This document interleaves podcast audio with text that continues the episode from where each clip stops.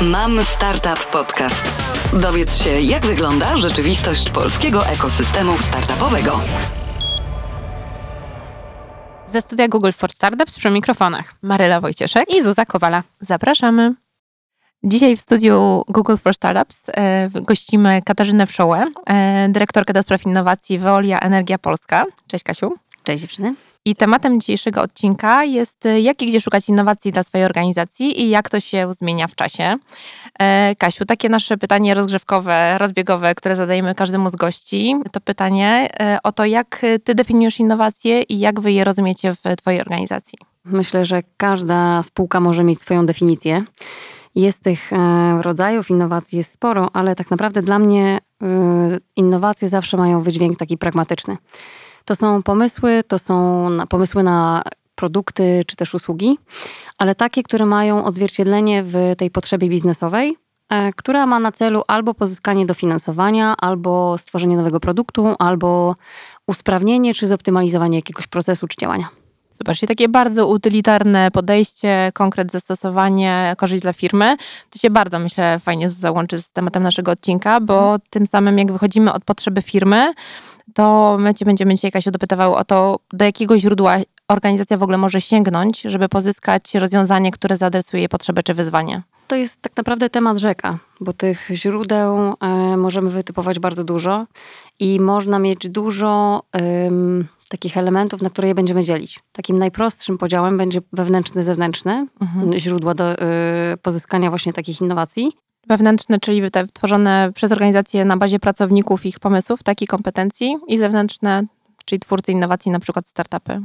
Dokładnie tak. Czy też po prostu e, inne korporacje, inne firmy, ale też i możliwości działania w CVC, e, czy pozyskiwania po prostu takich informacji od e, naszych klientów tak naprawdę. Mhm. Bo to nie tylko i wyłącznie jest temat związany z jakby naszymi pomysłami, tylko to jest naprawdę super w momencie, kiedy mamy bezpośredni kontakt i budujemy te rozwiązania razem z klientem, który tak naprawdę najlepiej wie, czego potrzebuje i najlepiej wie, w jaki sposób możemy dostosować ten produkt czy też usługę do, do jego potrzeby.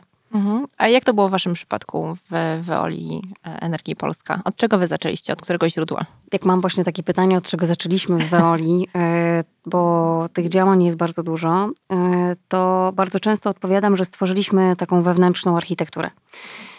U nas to oznaczało właśnie przygotowanie się do tego, w jaki sposób działać w ogóle z innowacjami. Bo bardzo często jest tak, że w tak dużych organizacjach, tak ustrukturyzowanych i tak ugruntowanych, mm, trudno jest znaleźć e, na początku moment na jakąkolwiek elastyczność. Więc bardzo ważne było dla nas to, żeby nauczyć wewnętrznie organizację tego, co to są te innowacje, jak działają firmy w ogóle w tym obszarze a już jak pojawiają się startupy, to w ogóle o co chodzi? Czemu oni tak szybko od nas chcą po prostu dane? Jak my tutaj mamy proces decyzyjny, który jest dużo dłuższy niż, e, niż e, sytuacja u nich. Więc u nas zbudowaliśmy architekturę i to jest kwestia procesu zarządzania innowacjami, który jest dostosowany do, do naszych potrzeb i do naszych możliwości, biorąc pod uwagę różne departamenty. Ja duży nacisk kładę bardzo na to, żeby od samego początku włączać w ten proces różnych interesariuszy wewnętrznych, czyli najsilniejszą współpracę mamy między Departamentem Handlowym i Departamentem Inżynierii naszej operacji, ze względu na to, że to my tworzymy te, te działania, oczywiście włączając pozostałe departamenty również w ten proces, bo to nie dzieje się tylko i wyłącznie na tym poziomie, mm, ale chodziło właśnie o to, żeby znaleźć takie sposoby mm, testowania różnych rozwiązań, które są dostępne, żeby jak najszybciej móc podjąć decyzję. Czy zielone światło, czy też czerwone, mhm. bo y, ważne jest to podjęcie decyzji, nie ciągnięcie jakby tematu na siłę, jeżeli on nie ma racji bytu, um, ale też mieć szybką i łatwy, niski próg wejścia, żeby móc przetestować coś i zebrać więcej danych. I dopiero, żeby w procesie iteracyjnym, żeby zebrać te informacje, które rzeczywiście możemy przełożyć na na ten konkretny biznes. E, powiedziałam o procesie. Przeszkoliliśmy pracowników e, bardzo dużo e, w zakresie mm, takiej otwartości, w zakresie mm, szerszego myślenia o innowacjach, ale nie na zasadzie takiej, że to jest rocket science i tutaj będziemy teraz wymyślać nie wiadomo jakie rzeczy, ale jak to się przekłada na moje codzienne życie, na moją codzienną pracę i co ja z perspektywy pracownika w różnym departamencie, na różnym stanowisku mogę z tym zrobić. Mm, Ale też stworzyliśmy poprzez nasze programy wewnętrzne mm, taką, nazywamy to też Special Task Force, e, grupę, która mm, razem z moim departamentem, która jest w stanie przeprowadzić pomysł, e, jakby jakieś zagadnienie od pomysłu do wdrożenia. I chodziło właśnie o taką akademię. Stworzyliśmy MBA dla innowacji. E, Taki bardzo praktyczny, wewnętrzny program, gdzie na bazie wyzwań, które mamy w naszej codziennej pracy, które zostały spriorytetyzowane też przez nasz zarząd, wybraliśmy te tematy, stworzyliśmy zespoły, które pracowały nad rozwiązaniami. No i obecnie jesteśmy po zakończeniu tej pierwszej akademii. E, Będzie ona wdrażana w ogóle dużo szerzej, bo globalnie. Ale także jesteśmy w trakcie realizacji e, wybranych z tego e, rozwiązań, które zostały zaproponowane i stworzone przez pracowników. Więc bardzo ważny jest ten na- nacisk z naszej strony na tą praktyczną stronę. Więc każdy program, każde zagadnienie jest właśnie w taki sposób konstruowane, żeby to później miało odzwierciedlenie w tym, że to rzeczywiście jest wdrażane, bo nie ma nic gorszego, Ja też patrzę ze swojej perspektywy, bo wcześniej brałam udział w, zarówno i w kontekście projektowania tego typu działań, ale także jako uczestnik, e, gdzie nie ma nic gorszego, że tworzysz coś, a później nic się z tym nie dzieje. Oczywiście, jeżeli dostajesz feedback jakby negatywny, że to nie spełnia oczekiwań, no to, to jest zrozumiałe. Ale jeżeli jest e, fajny mecz, no to szkoda, żeby to się nie zadziało po prostu. Ja bym chciała Cię dopytać, jeżeli e, źle to zrozumiałam, to mnie najwyżej Kasia popraw. E, Stworzyliście taki program dedykowanym pracownikom, w, e, w wyniku którego oni tworzą rozwiązania na wyzwania, które były zmapowane w Weoli. Ile trwał taki program i ile finalnie pracowników było zaangażowanych? Program sam trwał 6 miesięcy. E, 40 osób wzięło udział w, w całym procesie. I są to zarówno osoby, które. Jakby była bardzo konkretna rekrutacja pod tym kątem, bo to też jest bardzo, bardzo ciekawe w kontekście projektów, e, właśnie takich programów wewnętrznych, rozwojowych. E, mieliśmy bardzo dużo chętnych i mieliśmy bardzo duże wyzwanie pod kątem tego, żeby wybrać osoby, bo mm, weszły duże, ogromne dawki kreatywności, bo u nas zawsze aplikacja do, do tych programów, które realizujemy jest y, nie tylko na zasadzie powiedz dlaczego, ale też może pokaż, albo nagraj nam film, albo jakby pokaż prezentację, więc jakby Super. podejście kreatywne było niesamowite, naprawdę. I to jest bardzo ciekawe, jak pracownicy, yy, jak możemy zobaczyć w ogóle i z innej, kompletnie innej perspektywy. Więc dla nas było bardzo ważne to, żeby to były zarówno osoby e, interdyscyplinarnie dobrane, e, żeby stworzyć takie zespoły, które będą miały nie tylko na przykład samych inżynierów albo samych handlowców, czy samych finansistów, ale żeby ta grupa była inter- interdyscyplinarna, żeby mieć w takich grupach osoby, które nigdy wcześniej nie pracowały nad danym tematem, bo one nie wiedzą, że się nie da. Em, I e, cały program był skonstruowany w taki sposób, że zawierał najważniejsze elementy pod kątem wdrażania projektów innowacyjnych. Czyli celem naszym było to, żeby przeszkolić te osoby z zakresu prowadzenia projektu innowacyjnego, żeby mieć tą grupę takich niezależnych osób, które będą w stanie poprowadzić te inicjatywy od początku do końca. Więc takie było założenie i każdy z naszych programów właśnie tak wygląda, bo też wcześniej zrobiliśmy program, który dotyczył wewnętrznych kompetencji, ale w zakresie efektywności energetycznej budynków, bo takim największym procentem naszego w naszym portfolio to jest wielka płyta, lata 60., 90.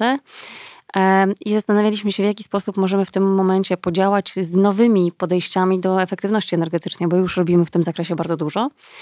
Ale to nadal jest wyzwanie i przez jeszcze chwilę będzie, więc y, to było naszym celem. No i po e, programie w tym momencie jesteśmy z czterema wdrożeniami na budynkach. To jest fizyczne, e, to są fizyczne instalacje, które jak się pojedzie i je zobaczy, to wtedy pokazuje, w jaki sposób ta innowacja działa, że to rzeczywiście jest możliwe.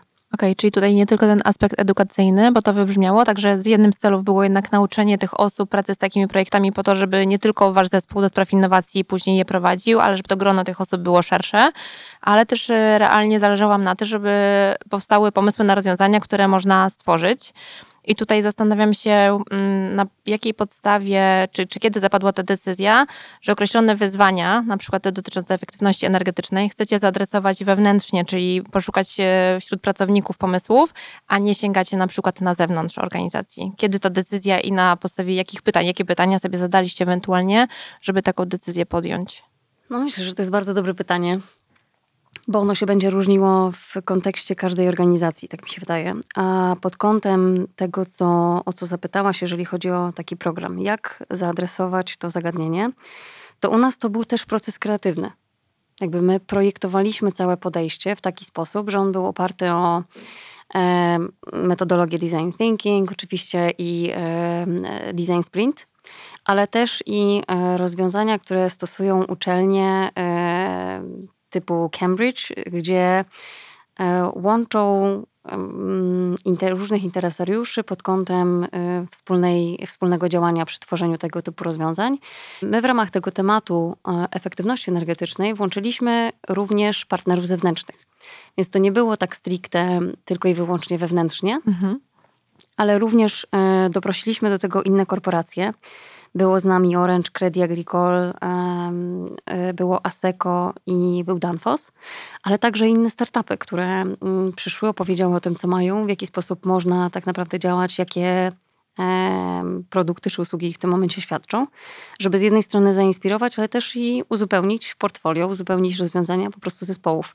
Więc dla nas od samego początku było ważne, żeby nie tylko pracować na poziomie takim wewnętrznym i opierać się tylko i wyłącznie o tą ekspercką wiedzę, ten temat związany z tym, jak adresować, e, ja myślę, że testować i szukać rozwiązań e, równolegle. Nie tylko stawiać na przykład, e, nie wiem, zagadnienia, które są tematami związanymi z infrastrukturą, to tylko do ekspertów naszych wewnętrznych, bo tylko oni ją najlepiej znają. Mhm. Oczywiście może tak być, mm, ale myślę, że warto popatrzeć na to z różnej perspektywy. Opowiem trochę od drugiej strony, jak to u nas wygląda e, co, i co nam działa bardzo sprawnie. E, my ze swojej strony, czyli mój departament centralny, jak i e, lokalni menedżerowie innowacji, ponieważ w Veoli mamy taką świetną strukturę. Ja naprawdę jestem z tego strasznie dumna i cieszę się, że, że możemy w ten sposób to prowadzić, bo to świetnie pokazuje, jak można połączyć po prostu różne kompetencje. Mamy taki proces mapowania wyzwań, który też czasami challenge'ujemy i dopraszamy różnych partnerów do tego, żeby sobie mhm. popatrzeć na to z różnej strony. Ale przede wszystkim e, rozmawiamy z ludźmi z wewnątrz organizacji na różnym e, poziomie zaangażowania, na różnym poziomie eksperckim, zarówno z dyrektorami danych obszarów, jak i osobami, które są poniżej, które są bliżej infrastruktury. I pytamy o to, jak wygląda ich codzienna praca, przede wszystkim, o to, jakie mają wyzwania, e, ale też jakie trendy widzą wokół, wokół swoich obszarów. Więc mamy taką bazę do, do pracy. I to wszystko sobie spisujemy w jednym pliku, e, który, mm, który służy nam wszystkim do tego, żeby mapować tą wiedzę, żeby dzielić się nią, żeby ją challenge'ować, ale żeby ją też doprecyzowywać i ten dokument jest stworzony również w ten sposób, że te dane wyzwanie nie jest tylko i wyłącznie opisane właśnie poprzez te trzy punkty, o których powiedziałam, tylko tam jest jeszcze imię i nazwisko osoby, która jest bezpośrednio zainteresowana danym tematem, departament, który bezpośrednio oczekuje na wdrożenie albo potrzebuje wdrożenia tego, tego rozwiązania, oczekiwane efekty, e, to jakie są inspiracje i to jaki jest priorytet. Tylko nie tylko z naszej perspektywy innowacji, czy też z perspektywy danej spółki, ale również z perspektywy Departamentu Inżynierii, Departamentu Handlowego. Także nakładamy to wszystko na taką. E, no, priorytetyzujemy to po prostu. Hmm. I do tego dołączoną mamy ofertę Departamentu Innowacji. Pokazujemy, co my jako Departament Innowacji, trochę jak taki wewnętrzny e, sprzedawca, pokazujemy naszym departamentom, w jaki sposób my możemy ich wesprzeć i sami też zastanawiamy się, jak analizujemy dane wyzwanie, to patrzymy pod tym kątem, jaka forma działania, jaka formuła działania będzie najlepsza w stosunku do danego rozwiązania. Na mhm. jakim poziomie TRL-u jesteśmy w danym, e, w danym zagadnieniu? Jeżeli to jest bardzo niski, no to wiemy, że tutaj będzie więcej w zakresie B plus R-u, podziałania z uczelnią, być może, bo mają rozeznanie dużo większe pod kątem e, tego, co się dzieje na świecie, jakie, jakie testy przeprowadzili i tak dalej. Jeżeli to jest już dalszy etap, e, nie wiem, TRL 5-7, no to oczywiste, że szukamy firm, które mm, działają w, zakresie, y, w tym zakresie na rynku, więc możemy po prostu się z nimi spotkać, zobaczyć, co mają, jak możemy z tym podziałać. Ale równolegle trwają prace pod tym kątem, że dobra, to co my już w tym zakresie zrobiliśmy i czego nie wiemy. Bo czasami nam się wydaje, że coś potrzebujemy, a później się okazuje, że kurczę, w sumie bez tego też może działać. Albo gdzieś może w organizacji jest podobne rozwiązanie, które można na to przełożyć, na dane wyzwanie też, nie? Dokładnie tak. Ja mam jeszcze, Kasia, pytanie w nawiązaniu do tego, co powiedziałaś. Jak często wykonujecie to mapowanie? Generalnie założeniem naszym było od samego początku, żeby ją update'ować raz do roku. Ale sytuacja wygląda w ten sposób, że to jest cały czas proces iteracyjny. My z każdego spotkania, z którego wracamy, tam czasami pojawiają się wyzwania. I staramy się to po prostu cyklicznie uzupełniać, bo żeby mieć jeden jakby dokument pod tym kątem i żebyśmy mogli się nawzajem inspirować, bo to jest też, mm, po to jest też ta struktura Departamentu Innowacji, bo nasze spotkania wyglądają tak, że z jednej strony mamy, oma- omawiamy tematy, które są tematami innowacyjnymi, które są prowadzone w danej spółce, ale też mamy takie zagadnienia, które mm, dotyczą, nie wiem, trzech spółek, czterech spółek i po prostu bierzemy to na warsztat. Więc wtedy, jak mamy to wszystko zmapowane, to jesteśmy w stanie szy- szybko do tego wrócić i pokazać to po prostu, że okej, my działamy w tym zakresie w taki w taki sposób, bo im większa organizacja, tym trudniej o przepływ y, informacji, o takie dzielenie się wiedzą i e, czerpanie z różnych rozwiązań. U nas bardzo duży też nacisk kładziemy na podejście copy and adapt, czyli bierzemy rozwiązanie, które zostało wdrożone i po prostu patrzymy, w jaki sposób możemy je przełożyć na naszą organizację. Ale tego jest mnóstwo, więc bardzo ważne jest to, żeby to się działo w taki sposób cykliczny i żeby można było z tego jak najefektywniej korzystać po prostu. Okej, czyli też podsumowując e, to, co powiedziałaś, bo myślę, że ten wniosek jest bardzo ważny, czyli to nie jest tak, że założyliście sobie, że będziecie mieli określony procent rozwiązań wytworzonych wewnętrznie, inny procent pozyskanych na przykład od startupów, a jeszcze trzecią pulę będą stanowiły pomysły z uczelni, tylko wyszliście od zmapowania potrzeb w organizacji i dopiero później pod te potrzeby dobrze zanalizowane i spriorytetyzowane dobieracie źródło, z którego najbardziej efektywnie będzie można pozyskać rozwiązanie. A czasami, jak rozumiem, też możecie testować równocześnie kilka źródeł i sprawdzić, co przyniesie lepsze efekty, tak? Dokładnie tak. Albo będzie uzupełnieniem jedno do drugiego. Okej, to teraz rodzi mi się pytanie, jakiej gotowości z kolei wewnętrznie od organizacji wymagają poszczególne źródła, czyli kiedy sięgać po startupy, bo też spotykamy się często z organizacjami dużymi, które myślą sobie, a może byśmy uruchomili taki konkurs dla startupów, Yy, a tak, tak na marginesie to są dopiero jakby początkującym zespołem i organizacją, która stawia pierwsze kroki, jeżeli chodzi o innowacje. Więc y, jakiej gotowości wymaga tak naprawdę właśnie sięgnięcie po określone źródła? Czy któreś z nich są łatwiejsze, któreś bardziej wymagające? To zależy, jaki organizacja ma cel.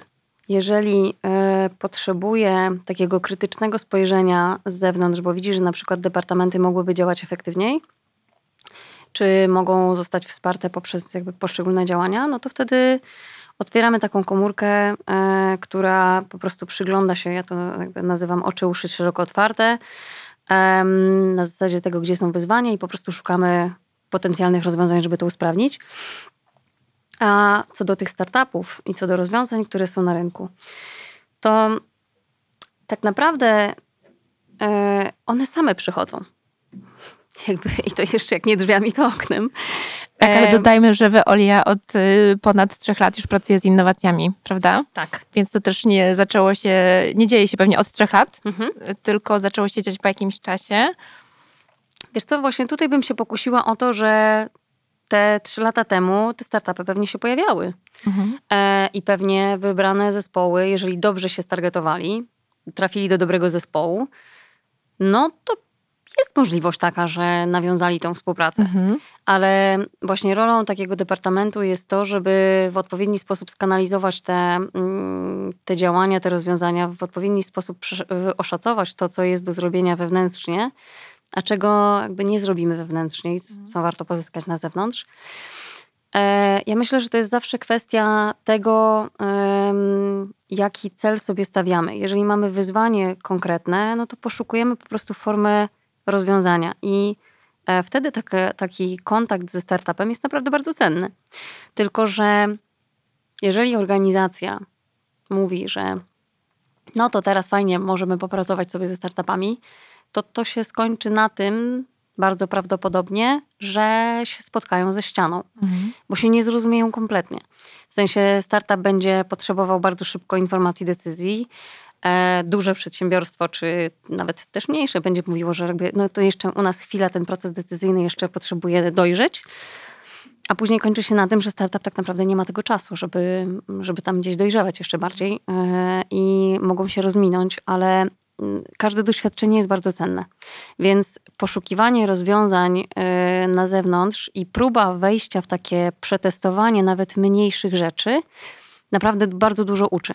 Bo wtedy, jak em, widzimy, jak to działa i widzimy, czego my potrzebujemy, albo co u nas y, działa, albo nie działa, jesteśmy w stanie przygotować bardzo konkretny brief technologiczny, to już tak po trzech latach, em, bardzo konkretny zakres tematu, em, którego potrzebujemy, czego szukamy i w jakim zakresie chcemy działać i jak możemy działać. Bo to nie tylko jest tak, co my chcemy sobie zrobić, tylko to jest tak, że jak, na ile jest nasza infrastruktura got- gotowa. Ja pamiętam momenty, kiedy jeszcze w poprzednich organizacjach, w których pracowałam, projektowaliśmy pro, programy akceleracyjne.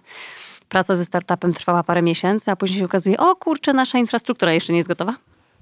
Więc jakby, wiecie, to jest kwestia e, wyłapania elementów, e, tych takich zakresów, punktów krytycznych, z kim to skonsultować wewnątrz organizacji, em, kiedy em, przedstawić całe rozwiązanie, nie wiem, zespołowi IT pod kątem bezpieczeństwa, pod kątem tego, jak nasza organizacja działa i tak dalej. To jest temat rzeka, ale naprawdę, mm, znaczy dla mnie to jest takie mm, bardzo logiczne podejście do, do innowacji, bo e, pracuję w tym ponad, no w sumie 11 rok mi teraz leci, ale e, zawsze to opierało się o taki trochę wewnętrzny audyt innowacji, na jakim my jesteśmy etapie, na co możemy sobie pozwolić i kim możemy sobie pozwolić, bo to, co jest na rynku i to, co mm, jest proponowane przez różne organizacje, jest naprawdę super i może być bardzo ciekawe w perspektywie trendów i tego, jak może się rozwijać dana, dana firma. Ale mm, możemy nie do końca być gotowi na to, żeby w ogóle cokolwiek z tym ruszyć. Więc naprawdę bardzo istotny jest ten pierwszy punkt weryfikacji takiej wewnętrznej i też przygotowania się na to, ile my chcemy na to poświęcić, bo to nie jest tak, że to się dzieje samo. Nawet jeżeli kupimy rozwiązanie od startupu, to i tak musi być owner biznesowy po naszej stronie i indywidualny plan wdrożenia pod kątem działania tak naprawdę z tym danym rozwiązaniem. Nawet jeżeli chcemy je tylko przetestować, no bo musimy zebrać po prostu te dane i wiedzieć, co z tym zrobić dalej. Więc to jest taki e, element, który jest kluczowy z mojej perspektywy, weryfikacja nasza, taki audyt e, innowacyjny, a później dobranie e, działań do, do tych zakresów, które są dla nas najbardziej istotne. A czy powiedziałabyś e, też na bazie swoich doświadczeń, że któraś z tych ścieżek, czyli wewnętrzna, zewnętrzna jest szybsza? Bo tutaj wybrzmiało bardzo mocno, że żeby sięgnąć na zewnątrz, e, trzeba zrobić ten audyt wewnętrzny, zobaczyć co się ma, co, jakie są możliwości w ogóle technologiczne, infrastrukturalne i tak dalej. I teraz zastanawiam się, czy jeżeli chce organizacja coś wytworzyć wewnętrznie, czy to jest pod jakimś kątem może łatwiejsze lub właśnie też szybsze w wykonaniu? Zarówno jedno, jak i drugie mogą być szybkie, ale mm, większy poziom takiej niepewności i zakwestionowania niektórych rzeczy, że jeżeli coś jest łatwe do wdrożenia, to coś tu jest nie tak, coś jest za łatwe, to na pewno bardziej będzie kwestionowana ta zewnętrzna niż wewnętrzna. Będzie mniejsze zaufanie do tego zewnętrznego rozwiązania mimo wszystko. To jest, to jest ten element sprawdzenia tej organizacji pod kątem w ogóle. Ja nie mówię, żeby robić tutaj due diligence na, na jakieś proste, wiecie, usługi, ale e, ta weryfikacja partnera zewnętrznego, który po prostu nie jest naszym wewnętrznym zasobem, wymaga po prostu konkretnej, może nie tyle procedury, bo to też zależy od wielkości organizacji, e, w korporacji na pewno, e, ale takiego podejścia e, do sprawdzenia i pewności, zbudowania zaufania. Bo to jest przynajmniej to też moje prywatne jakby podejście do, do działania w, w biznesie, że ono się zawsze opiera o zaufaniu, takim win-win podejściu, więc to jest, to jest wypracowywane z partnerem zewnętrznym, więc dużo szybciej można przetestować rozwiązanie, na które na przykład wpadł e, pracownik wewnątrz organizacji. Mhm. Ale też myślę, że warto powiedzieć, że czasami, nawet jeżeli mamy pomysł wewnętrzny i możliwość wytworzenia jakiegoś rozwiązania, ale jednocześnie na rynku są dostępne no, niemalże od ręki rozwiązania, to czasami nie ma sensu po prostu robić tego wewnętrznie, prawda? Bo to się okaże pod względem czasowym czy finansowym nieopłacalne. Mimo, że ten próg może poznania i zweryfikowania dostawcy zewnętrznego, ale może warto te wewnętrzne zasoby wtedy przekierować na troszeczkę inne e, wyzwania, które są do zaadresowania. Myślę, że to też się łączy z, y, łączy z poziomem ryzyka. Jeżeli jest niski poziom ryzyka w kontekście przetestowania danego rozwiązania, to będzie to bardzo szybkie. Jeżeli jest wyższe, no to, to będzie miało po prostu swoją, swoją ścieżkę. Nie? Mhm. Tak, tu się też zastanawiałyśmy z Zuzą przed, przed tym naszym spotkaniem, czy no, biorąc pod uwagę też, że jesteście w branży e, energetycznej, to czy być może pewna pula wyzwań po prostu nie, nie będzie na przykład nigdy z założenia przez organizację uzewnętrzniana, tylko będą to też automatycznie pomysły, które będą wyłącznie wewnętrznie adresowane, prawda? To jest też tak, że w różny sposób się podchodzi do y, zbierania tych informacji, bo można zbierać wewnętrznym sumptem, można też y, powoływać y, do współpracy jakieś firmy konsultingowe działające przy scoutingu, działające w tym, w tym zakresie, szukające dla nas rozwiązań. Zarówno czasami dzieląc się tą informacją, że to jest dla nas, bo poszukujemy tego, a czasami nie bo jakby szukamy przewagi konkurencyjnej, więc to jest naturalna kolej, jakby naturalne podejście biznesowe mhm. do tego, że nie chcemy się tym dzielić, że poszukujemy rozwiązań w danym zakresie, więc jakby jest to nie jest to e, nigdy taki jedno mm, te kroki w tym procesie e, poszukiwania rozwiązań i wdrażania ich wewnątrz organizacji mm, ja myślę zawsze powinny być dostosowywane do tego, co chcemy osiągnąć, jaki jest cel? Mm, i na ile jesteśmy w stanie czekać. Bo e, myśląc o tych formułach takiego pozyskiwania rozwiązań na zewnątrz, też możemy patrzeć na perspektywę możliwości pozyskania dofinansowania, jak tworzymy coś wspólnie, na przykład z, z daną organizacją, albo wchodzimy w jakąś współpracę B plus R z, z uczelnią i pozyskujemy na przykład dofinansowanie zewnętrzne, które w ramach Komisji Europejskiej jest pewien jest konkretny proces, konkretna e, ścieżka, która dużo dłużej trwa. A czasami, jeżeli nam jest zależy na czasie, to po prostu kupujemy dane rozwiązanie i jakby na tym się kończy. Mhm. Więc jakby to wszystko jest zależne od tego, jaka, e, jakie zagadnienia.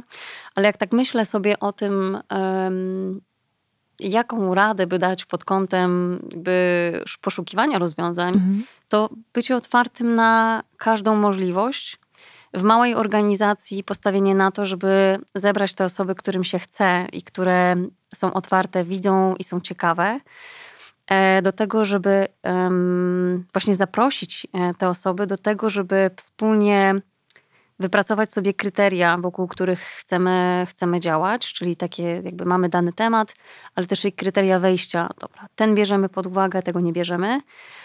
E, i też taką ocenę wewnętrzną, żeby jednak ten proces był sprawny i dostosowany do konkretnej organizacji, e, żeby móc po prostu e, szybko to testować. Większe organizacje potrzebują większej struktury i też większej ilości osób, które będą rozumiały o co chodzi. Okej, okay, czy tutaj e, nawiązujesz do tej architektury, którą wy stworzyliście na samym początku i też do tej puli, jak to nazwałaś, Special Task Force, e, e, których, których wyszkoliliście, żeby powiększyć pulę osób kompetentnych do pracy z projektami innowacyjnymi, tak? Zarówno we, wewnętrznymi i zewnętrznymi, które się pojawiają. Mhm. To jest też u nas jest jeszcze taki bardzo fajny element, który został wprowadzony razem z właśnie z Departamentem HR-u, gdzie przy rocznej ocenie e, pracownika e, wyznaczane są cele, jakby jak w każdej organizacji, na różnym etapie, ale u nas wyznaczone są cele e, związane z, z innowacjami dla wszystkich pracowników. Mhm. I to jest bardzo istotne dla nas, żeby te innowacje były rozumiane przez, przez wszystkich, ale to nie oznacza, że teraz każdy pracownik, jak, znaczy na początku tak było, że jak zobaczyli cele innowacyjne, o Jezu, ja nie mam czasu na swoje rzeczy, oczywiście w cudzysłowie, nie ma czasu na swoje rzeczy, a tu jeszcze mi dodają po prostu Innowacje. cel innowacyjny. Więc my zrobiliśmy po prostu zupełnie inną, e, jakby stworzyliśmy generator celów innowacyjnych, że jak jesteś w danym obszarze, jakby co robisz i jak możesz sobie dobrać ten cel po prostu dla siebie. Super. Myślałam, że generator innowacji. Automat klika i płaci. To chyba nasz odcinek, gdzie się nie miałoby sensu. Nie mówmy o tym, to się wytnie. To jest pomysł na startup, to my wycinamy. E, Podajesz ten pomysł publicznie, Maryla. Wytniemy. Ale tak, to jest dobry, to jest dobry A temat. Kasiu, powiedz, bo to jest ciekawa rzecz, którą powiedziałaś. E, Stworzyliście generator, ale teraz e, jeżeli pracownik, czy to specjalista, czy menadżer na różnym poziomie mm, stanowiskowym, taka osoba dostaje cel w tym obszarze innowacyjnym, to czy jest to cel udziału bądź aplikacji do jakiegoś waszego wewnętrznego programu rozwojowego, czy to jest jakieś zaangażowanie w jakimś projekcie?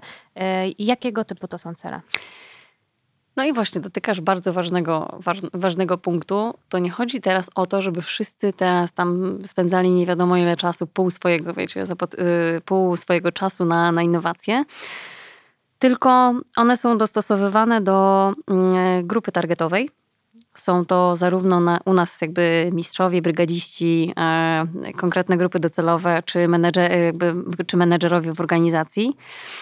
Em, i wiele innych stanowisk oczywiście, ale chodzi o to, że e, staraliśmy się dostosować te cele w takim kontekście, że one mają też e, taki zakres działania.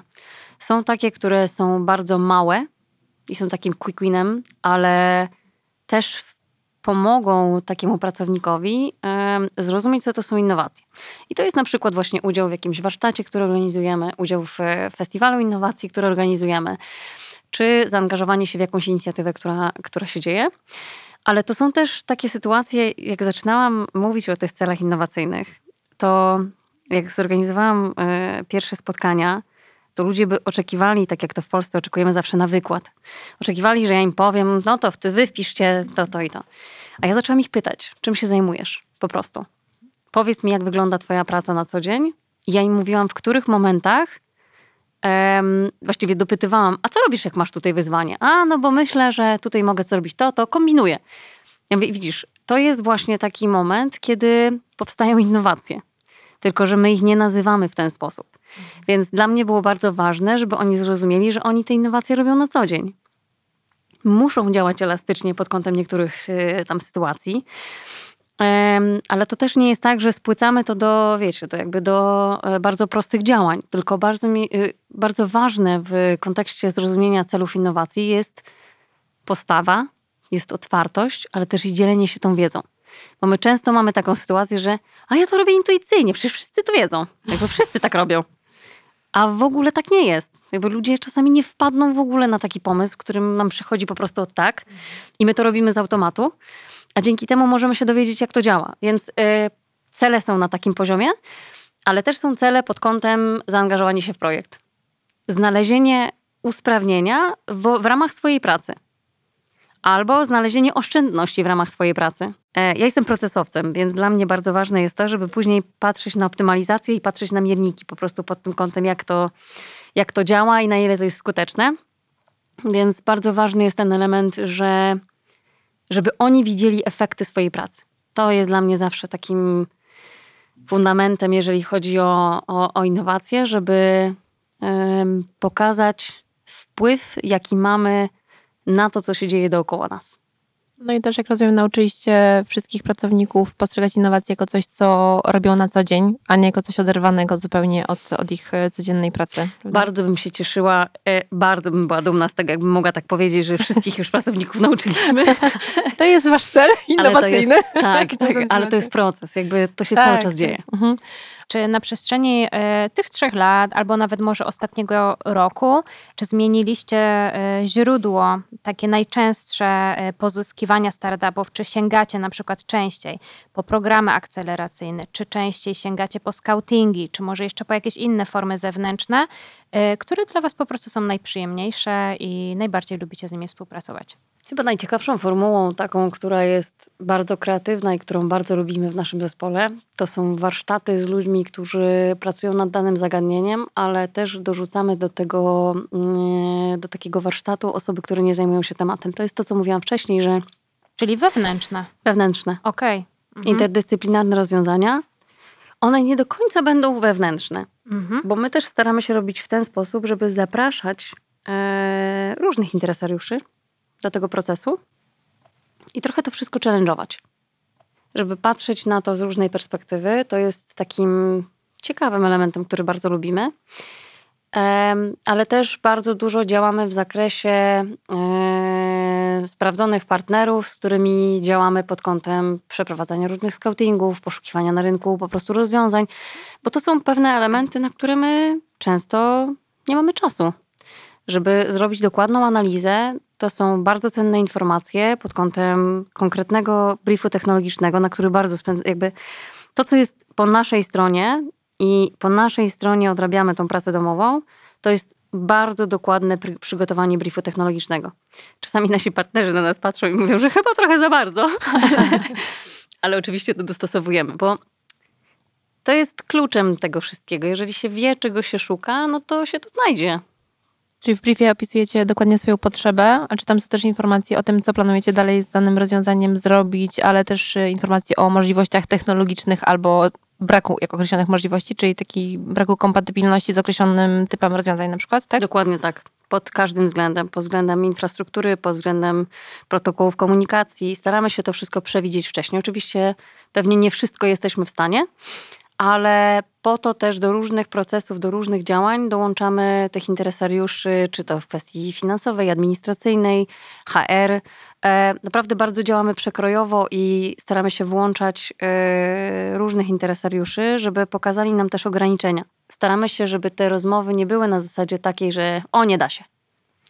A tylko, e, dobra, to jakie są konkretne elementy, które, wokół których możemy, co możemy rzeczywiście zrobić, co trzeba by było wykonać po naszej stronie również, żeby to dostosować. Okej, dobrze. Y, Kasiu, jak, jak zwykle my z Zuzą to mogłybyśmy jeszcze dużo pytań zadawać, bo temat jest super interesujący i wasze doświadczenia i twoje są, są bardzo cenne. Ale już tak e, kończąc ten temat poszukiwania innowacji, źródeł i form możliwych, to powiedz, e, po jakie formy i źródła ty chciałabyś, żebyście sięgnęli w przyszłości, których dotychczas jeszcze nie testowaliście? Co macie na horyzoncie? Na horyzoncie na pewno jest kwestia związana z weryfikacją, w jakim zakresie możemy działać na rynku polskim, jeżeli chodzi o CVC. Czyli To jest ko- inwestycje. corporate mhm. venture capital, inwestycje, popatrzenie na to z różnej perspektywy, e, zarówno możliwości z naszej strony, ale też i możliwości w ogóle całej grupy globalnie, więc e, ten temat pewnie będzie rozpatrywany. Mm, ale także mm, poszukiwanie bardziej disrupt innovation i tego, co, co możemy podziałać. Nieoczywistych partnerstw, bo to jest zawsze inspirujące. E, Ja też mogłabym długo na ten temat rozmawiać i w ogóle jakbyśmy zaczęły obie mimikrze, to bym po prostu stąd nie wyszła. Ale generalnie, bo tych rozwiązań jest bardzo dużo, ale mm, właśnie takie rozwiązania, które po prostu pokażą, że, że te innowacje są w stanie zmieniać nawet duże, ugruntowane organizacje, ale też, że są kluczowe, zwłaszcza w tym momencie, w którym jesteśmy teraz. Trochę na przekór, bo y, w momencie takiej sytuacji, jakiej jesteśmy obec, jaką mamy obecnie, czyli kwestia wojny, kwestia kryzysu ekonomicznego, kryzysu e, klimatycznego, wydawać by się mogło, że dobrze, to teraz musimy ograniczyć nasze działania i w ogóle, ale to jest właściwie wręcz odwrotnie. To jest właśnie ten moment, który powinien popchnąć nas jeszcze bardziej w kontekście mm, prowadzenia działań innowacyjnych, poszukiwania innowacji i wdrażania ich w, w, w organizacjach, ponieważ em, jeżeli szybko się tym nie zajmiemy, to, to może się znaleźć firma, która szybciej to zrobi i po prostu będzie to dla nas już trochę za późno. Okej, czyli to, to jest, mi się bardzo podoba, ta, to jest piękna puenta, myślę tutaj. Nie wybrzmiało w tym odcinku jeszcze hasło Trzy Horyzonty, ale to jest ten moment, kiedy mogę to wypowiedzieć, bo to, co Kasia mówiłaś o, o tych e, seedach i teraz o tych szukaniu disruptive innovation i kwestii przetrwania tak naprawdę, to, to właściwie to są wszystko te pokrewne wątki, więc one się łączą, więc super, że w ogóle ty, od wątku, gdzie szukać i w jakiej formie te innowacje pozyskiwać, dochodzimy i tak do wątku tego, że, czy do, do puenty tej, że to jest kwestia przetrwania firmy na rynku w długim terminie. E, Dziękujemy za rozmowę. Dzisiaj naszą gościnią była Katarzyna Wszoła, dyrektorka do spraw innowacji z Veoli Energia Polska. Dziękujemy Kasiu za rozmowę. Bardzo dziękuję. Dzięki. Sprawdź inne odcinki Mam Startup Podcast na Spotify, YouTube, Apple Podcast i Google Podcast.